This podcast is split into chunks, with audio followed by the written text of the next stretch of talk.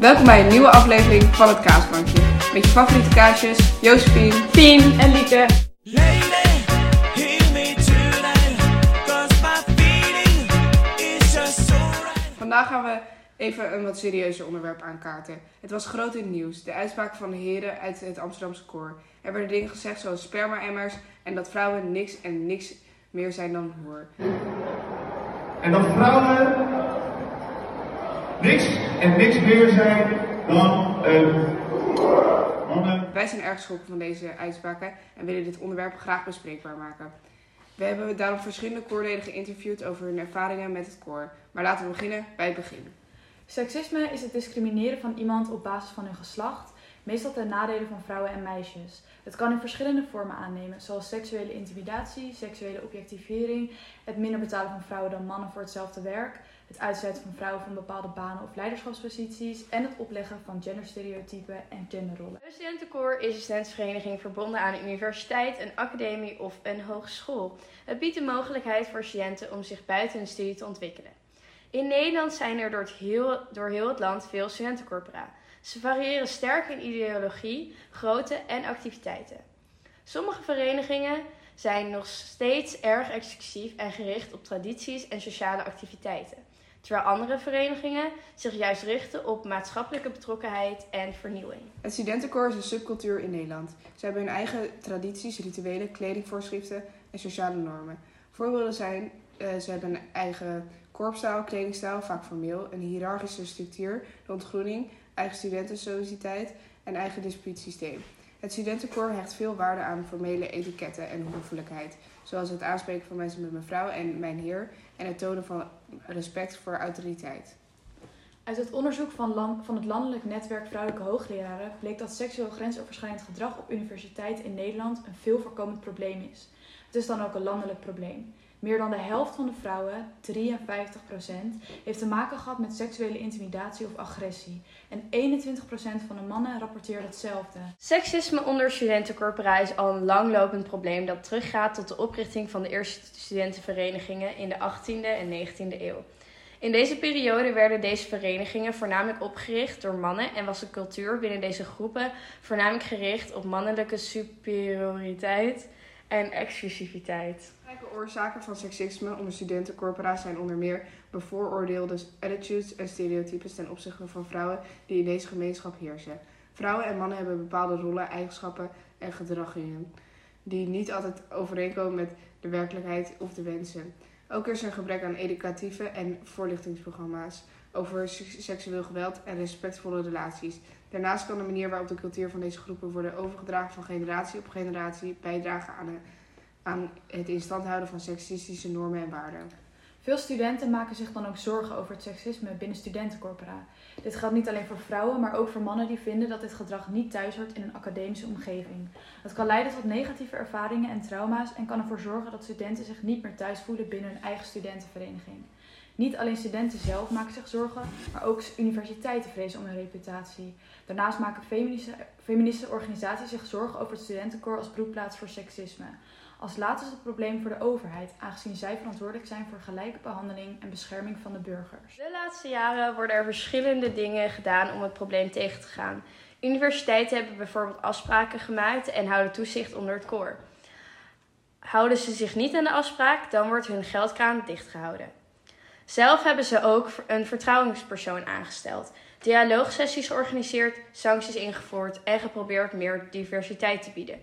De laatste jaren is het probleem gelukkig we- wel weer meer aan het licht gekomen, omdat studenten zich durven uit te spreken en doordat er door de media veel meer aandacht voor komt. Het is er tijd voor de team met Fien. Welkom bij weer een nieuwe aflevering van Team met waar, wij, waar ik me weer een beetje verdiept heb in de tradities en cultuur van deze week, de studentenkoren. Ehm, ik heb een paar leuke woordjes uit het koortaal gehaald. En we beginnen met, eh, we beginnen een beetje losjes met, wat is een hert? Eh, die weet ik, dat is een Ja, meisje. Hey, hey, hey. Heel goed. Verder, ehm, voor onze lieve luisteraars. Wij eten natuurlijk het kaasplankje, maar wat betekent het kaasplankje nou eigenlijk? Ja, Ja, we die moeten, die, keer over ja, gehad, die moeten weet wel weten. Oh, kom op jongen. Eh, was, eh, wat was het ook weer? Een groep meisjes volgens mij, toch? Hey. Ja? Oh, Ja, maar precies. toch die Jasmin. Precies, precies. On fire. Oké, we, gaan, eh, we gaan een beetje door. We gaan een beetje door. Hier hebben we het ook vaker over gehad. Maar wat is een natte tosti? Oei, ja. Eh, Dan wordt het was moeilijk. het niet een hoer? Nee. Nee? Het is het. Oké, een kleine hint. Het is een, eh, het, is een, het is een man, een jongen. Een beetje een rare jongen. Een beetje gekkie. Een gladde korpsbal met een mat. Een mat is dat haar. Die Oh. zichzelf, en belangrijk, die zichzelf geweldig vindt. Zo, nou daar ken ik er wel een paar van. Ja, Ja, precies. Oké, verder is eh, een sjaars. Nou, dat, dat, dat, dat, dat, dat, dat Het, je hoort het een beetje in het woord. Sjaar- Sjaars? Sjaars. Een gierig, een gierig iemand. Nee. Ik- Nou, ik zou het wat niet meer hints. Ehm, eigenlijk zeg maar de, de- als je de eerste letter weghaalt. Jaars. Ja, Ja. jaars. De ouderejaars? Nee, juist niet. Jongens. eh, Eerstejaars. Zo. Groentjes eerstejaars. We gaan door. Ja. Met de grondpizza. Ja, die weet ik. Ja. We gaan geen spoilers Ja, geven. nee, dat, Kom dat ga ik echt niet goed kunnen raden. Een grondpizza? Een grondpizza. Waar, waar is het eerste waar je aan denkt als je aan een grondpizza denkt? Eh, ja, dat zou ik echt niet weten. Mag ik even een hint? Het is niet heel nice. Zeg maar, het zat erin, nu niet meer. Oh, overgeven. Een barfje. Ja, Een heerlijk barfje.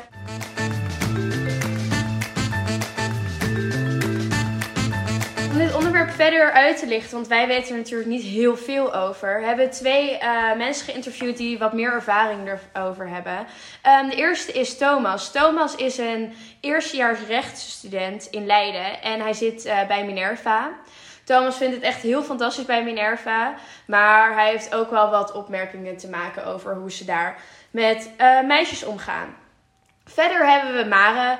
Mare eh, is een derdejaars student in Groningen. Ze studeert geneeskunde en ehm, ze zit bij Vindicat, bij het Groningse koor. Nou, heel erg fijn dat jullie wat tijd voor ons eh, vrij konden maken. Laten we beginnen met de eerste vraag. Eh, hoe was je ervaring als uh, koorstudent? Heb je ooit te maken gehad met seksisme of discriminatie op basis van je geslacht? Ik heb best wel een goede ervaring met lid zijn van een vereniging. Want eh, nou ja, ik ben dan zelf naar Groningen gegaan. En eigenlijk heb ik gewoon daardoor meteen een hele groep mensen ontmoet. En ehm, nou ja, daardoor ook een huis gekregen. Ik denk dat sowieso als je naar een stad gaat, dat het best wel een goede manier is om gewoon meteen nieuwe mensen te leren kennen. Ehm, ja, en ik weet dat sowieso in Groningen is dat heel erg het geval, want je zit daar een beetje in een bubbel eigenlijk. Nou, mijn ervaring als een koststudent is eigenlijk ja, heel erg positief. Uh, en waarom? Omdat um, ja, je hebt echt superveel mogelijkheden zeg maar, vanuit de studentenvereniging. Um, buitengewoon zeg maar, de gezelligheid heb je ook gewoon, krijg je heel veel kansen. Mm, ik heb um, nog nooit se iemand seksistisch bejegend, zeg maar. Nee, zeker niet. Uh, ja, ik probeer wel gewoon heel goed op te letten op wat ik zeg en zo. Want dat is gewoon belangrijk. En zeker ook omdat je een bepaalde attitude, een soort bepaalde uh, vooroordeel over je, uh, over je heen hebt, zeg maar. Ik heb nooit echt in erge mate te maken gekregen met seksisme of discriminatie, omdat ik een vrouw ben. Maar um, ja, ik weet wel dat er af en toe seksistische opmerkingen worden gemaakt. Um, en ik weet dat heel veel vriendinnen van mij dit ook hebben, uh, wel eens hebben meegemaakt. Maar ik zelf uh, gelukkig niet. Um, nee, ik heb zelf daar nog nooit mee te maken gehad, gelukkig. Um, dat komt ook omdat het op de vereniging echt heel erg hard aangepakt wordt, de, de seksuele intimidatie. Wat waren de meest voorkomende vormen van seksisme die je zag of hoorde in het koor? Kun je er misschien enkele voorbeelden van geven? Wat ik zelf heb meegemaakt binnen het koor qua seksisme is denk ik voornamelijk uh, gewoon seksistische opmerkingen. Um, met name zeg maar gewoon over je lichaam. Ik denk dat ook jongens wel vaak te ver zijn gegaan in het, uh, als ik even een concreet voorbeeld geven, zeg maar, in meisjes vastpakken of misschien bij hun kont pakken. Um, maar ik denk dat het gewoon gepaard gaat met heel veel drankgebruik. Dus dat jongens daardoor sneller gewoon die grens overgaan. En ik denk dat mm, door drankgebruik meisjes misschien ook vaker dan dat uh, te, ja, te erg toelaten. En dan juist misschien achteraf zitten van, oh gadver, wat is er eigenlijk gebeurd? Ja, de meeste vormen is gewoon opmerkingen, zeg maar. Gewoon opmerkingen maken van meiden zijn hoeren en dat soort dingen. Dat zit er af en toe nog wel in. Dat is wel echt al heel veel minder. Maar dat is wel dat er af en toe nog in zit. Stel je voor je hoort seksisme. Pak je het dan aan?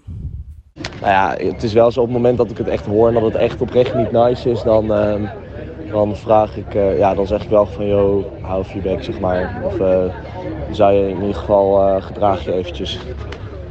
Zie je enige verbetering of verslechtering in de manier waarop vrouwen en mannen worden behandeld in het koor? Hoe de situatie bij ons nu binnen het koor is, is eigenlijk best wel erg verbeterd. Dat je het beste kan bestrijden met gewoon harde straffen. En dat hebben ze nu echt, zeg maar, ze hebben echt wel gewoon... ehm, wat ik weet van andere meiden, dat als zij aangaven bij de kroeg van... hey, weet je, dit is gebeurd met een jongen en eh, ik voel me er niet fijn bij, bla bla bla. Dan gaan ze echt, eh, dan doen ze er echt veel aan. Dus dan gaan ze echt die jongen opsporen en dan gaan ze echt gesprekken aan. En eh, sowieso word je dan gewoon geschorst ook meteen. Dus ze pakken het gewoon veel meer aan. En daardoor merk ik dat het ook wel echt ja, heel veel verbeterd is. worden behandeld in het koor, ja, echt best wel een verbetering. Eh, zeker, ja, eigenlijk wat ook overal is, heb je, dan zie je dat ook wel gewoon eh, bij het koor.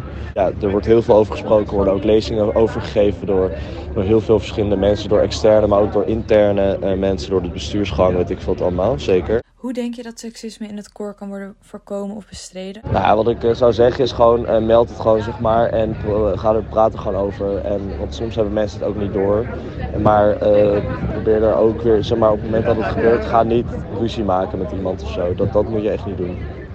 Of wat soort van, dat lost niks op. Dus praat er gewoon liever over en zeg het gewoon tegen externe. En er zijn ook superveel vertrouwenspersonen, extern en intern, eh, waar je ook alles aan kunt vertellen en je ei aan kwijt kunt. En natuurlijk je clubgenoten en je huisgenoten en zo. Ik denk persoonlijk dat dit veel meer kan worden bestreden door eh, tijdens ontgroeningen veel meer voorlichting daarover te geven. Dus gewoon echt mensen toespreken met, ja, je blijft gewoon met je handen thuis en je gaat niet opmerkingen maken. En dat dat veel meer een beetje een besproken onderwerp wordt. Ehm, en ik denk daarnaast ook gewoon harde straffen leggen op als het gebeurt. Want ehm, als elke keer iemand er maar mee wegkomt, dan wordt er uiteindelijk ook niks aan gedaan. Hoe is je relatie met je voormalige koorstudenten of docenten? Heb je ooit met hen gesproken over seksisme in het koor? Zo ja, hoe reageerden ze? Eh, ik ben nu derdejaars, dus ik heb eigenlijk nog een super goede band met, eh, ja, met mijn clubgenoten dan en met mijn huisgenoten natuurlijk. Wij hebben het best wel vaak ook, eh, vooral met club gehad, over, het, over eigenlijk seksisme binnen het koor. En dat komt eigenlijk omdat, ehm, nou ja, het zal je verbazen, maar echt bijna mijn hele club heeft daar wel eens mee te maken gehad. En sommige meiden natuurlijk in eh, ernstigere mate dan anderen. Ehm, maar we hebben hier echt wel eens gewoon hele clubavonden over gepraat. Dat het gewoon eigenlijk echt best wel, nou ja, best wel heftig is. En nou ja, vooral met hoe gaan we daarmee om. En ehm, sowieso praten met elkaar daarover, dat helpt gewoon al heel erg. En elkaar gewoon ja, advies geven ook daarin en zo. Van hoe kan je dat dan de volgende keer zeg maar beter ook zelf voorkomen. Ehm, dus ja, Hoe heeft eh, je ervaring als koorstudent je eigenlijk gevormd? En wat heb je geleerd van het omgaan met seksisme in het koor? Nou, mijn ervaring is dat ik, ja, je, je wordt gewoon extreem sociaal, zeg maar. Wat je wel merkt is dat soms, zeg maar, sommige mensen vinden het normaal. En ik vind, ja, ik vind dat niet normaal, zeg maar. Dus ik vind ook dat, ja, dat, zeg maar, eh, ja, dat je gewoon het moet, het moet zeggen, zeg maar. Dat, je gewoon, dat is wel de ervaring die ik heb geleerd. ik denk dat het je echt ontzettend vormt. Eh, ik denk dat het gewoon komt omdat ehm, je zit eigenlijk in een groep mensen die gewoon eh, allemaal een beetje dezelfde interesses hebben. Toch wel een beetje dezelfde kledingsmaak hebben. En ik merk ook wel dat hoe meer je met elkaar omgaat, hoe meer je ook echt naar elkaar gaat gedragen. En dat is het ook een beetje. Ik was al op zich wel een sociaal persoon, maar ik ben echt nog een stuk socialer geworden hierdoor. Omdat je gewoon constant met mensen bent en eh, sociale verplichtingen hebt. En ik denk dat sowieso dat ik ook wel mezelf ben tegengekomen in mijn tijd dat ik in de drie jaar dat ik aan het studeren ben. Dat ehm, ja, toch gewoon voor gewoon bepaalde sociale situaties die ik echt nog nooit eerder had meegemaakt op de middelbare school. En ik denk dat, ja, dat ik binnen het koor ook wel een paar keer een beetje toch over dat, beetje dat randje ben geduwd van uit je comfortzone stappen, zeg maar.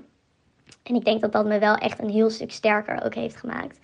Ehm, dus ja, Dankjewel voor jullie antwoorden en tijd. En dit heeft ons echt een stuk beter inzicht gegeven van eh, het seksisme in het koor. Nou, wat hebben jullie eigenlijk geleerd van deze studentencorpora? Nou, een beetje door deze podcast die we hebben gemaakt, heb ik wel een beetje geleerd hoe verenigingen zijn ontstaan en waar de oorzaak van seksisme vandaan komt.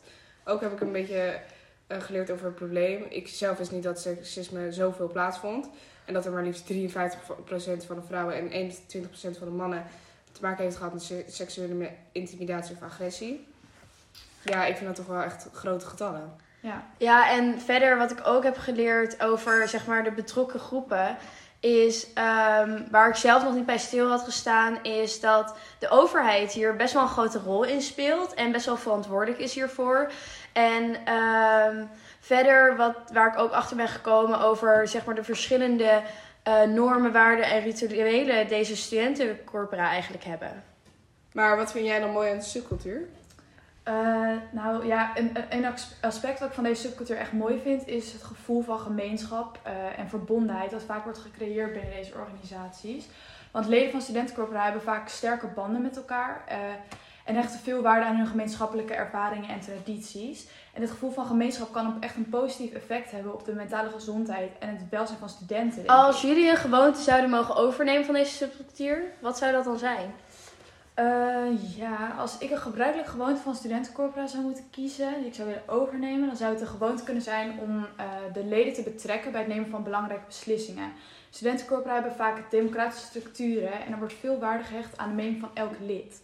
Dit kan een gevoel van eh, ja, verantwoordelijkheid en betrokkenheid bij de organisatie creëren en kan leiden tot een meer inclusieve gemeenschap. Ja, maar ik denk ook als je, als je leden gaat betrekken, dan kunnen organisaties ervoor zorgen dat alle stemmen worden gehoord en alle leden zich betrokken voelen. En dit kan ook weer een positief effect hebben op sociale vaardigheden van de leden en hun helpen om effectief te communiceren en samen te werken met anderen.